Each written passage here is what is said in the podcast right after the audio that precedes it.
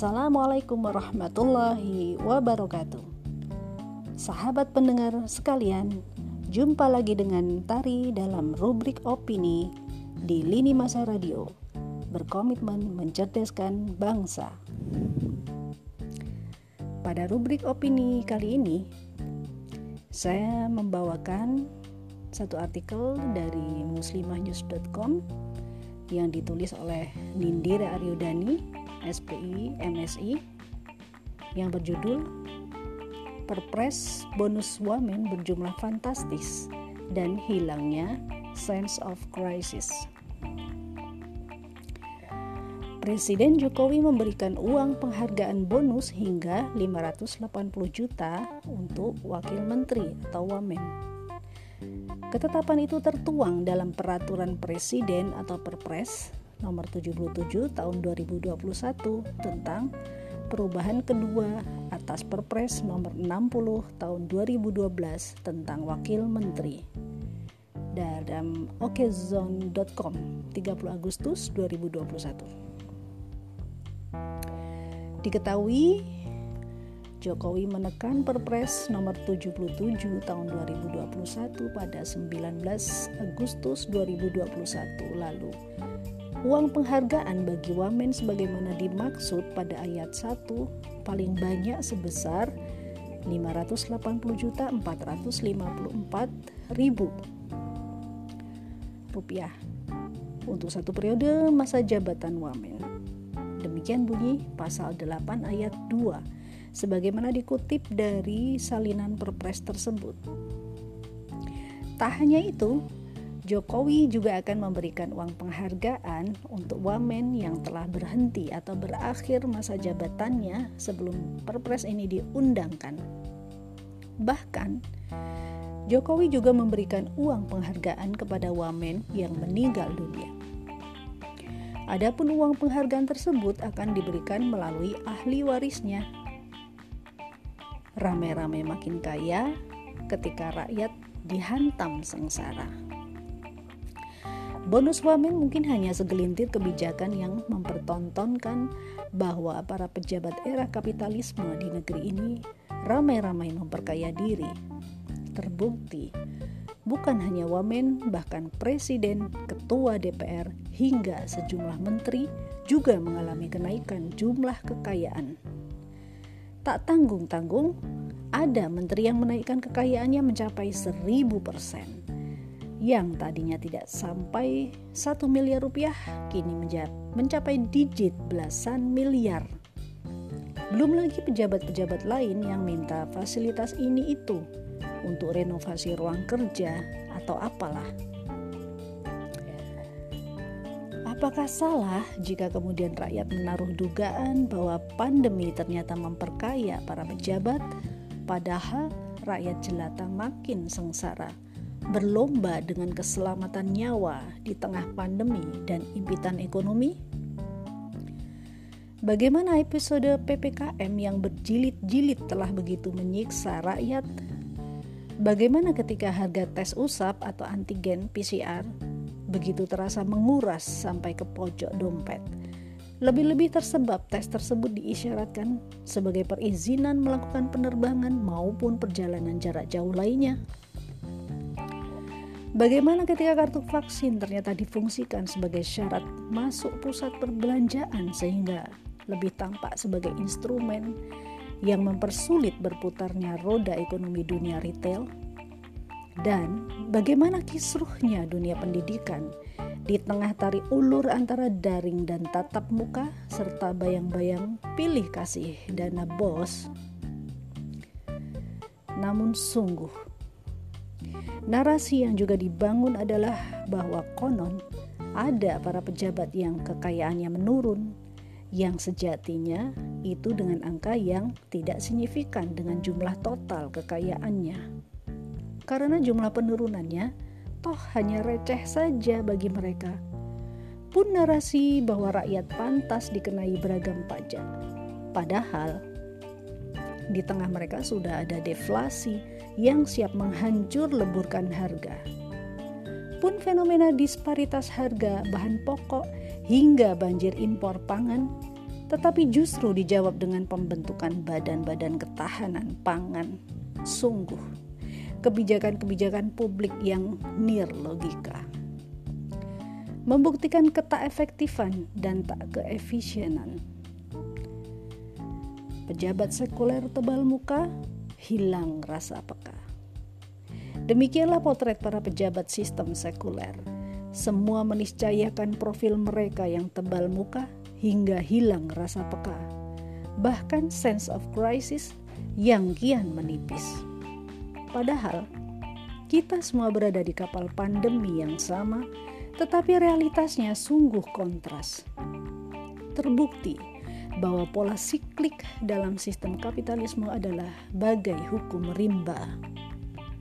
Yang kaya makin melejit, yang miskin makin terjepit. Pantas saja mereka para pejabat tak kalah ramai berebut jabatan. Tak jarang mereka rela menjilat hingga tetes ludah terakhir rela menjual idealisme demi recehan gaji berdijit miliaran.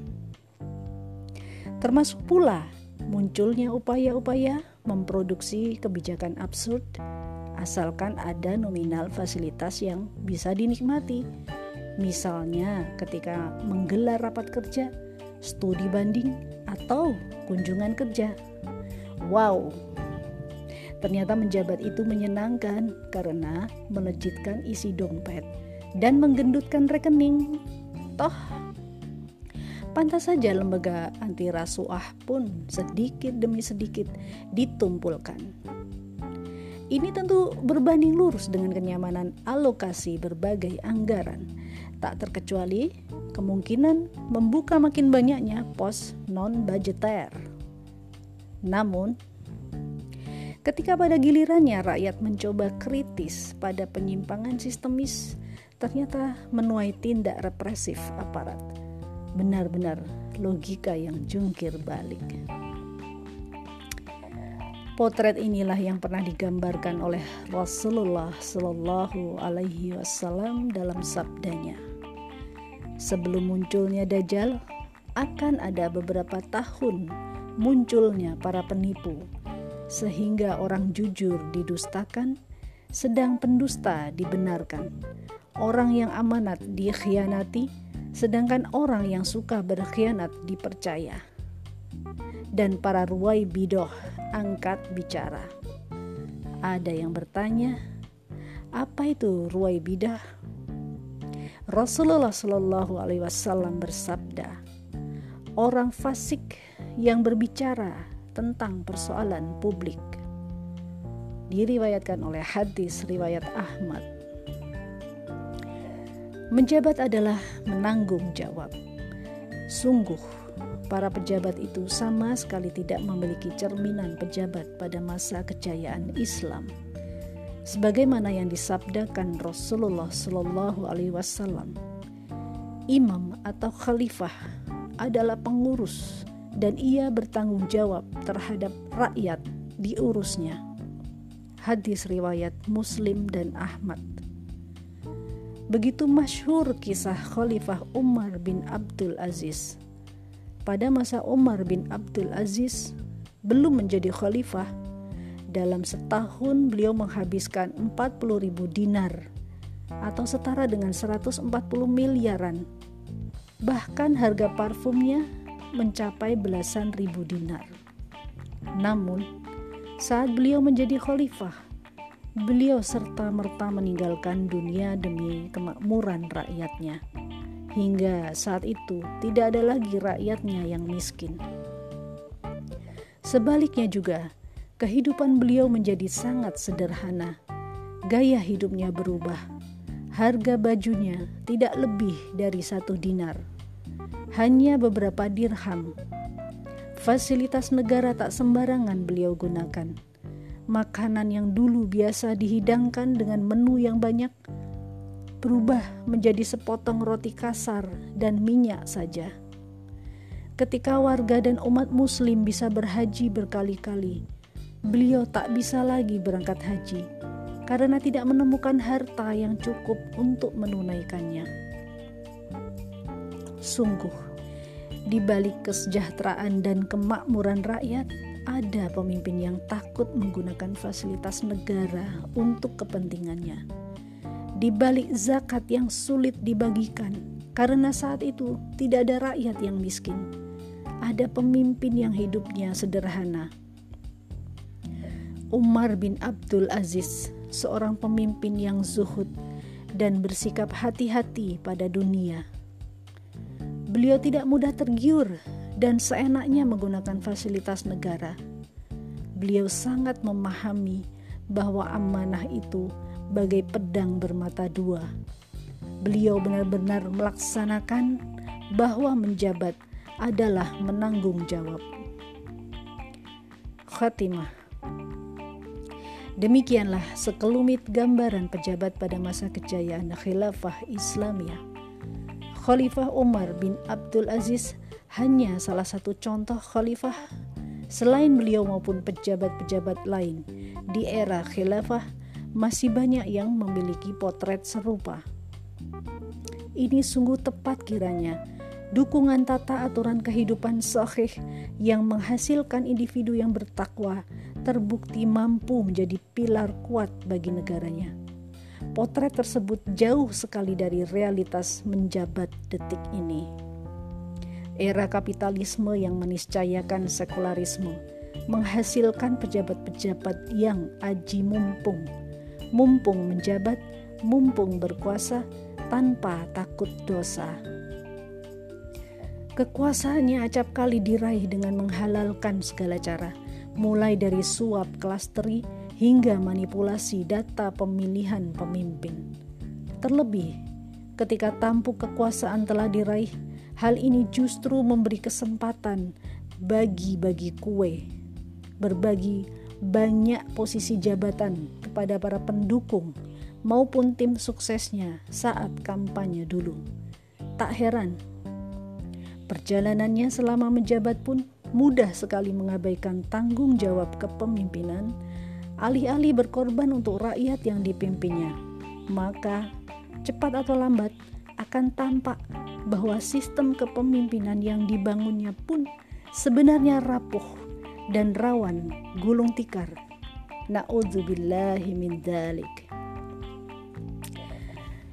Demikian sahabat pendengar sekalian untuk rubrik opini kali ini. Sampai jumpa lagi di rubrik uh, opini selanjutnya. Assalamualaikum warahmatullahi wabarakatuh.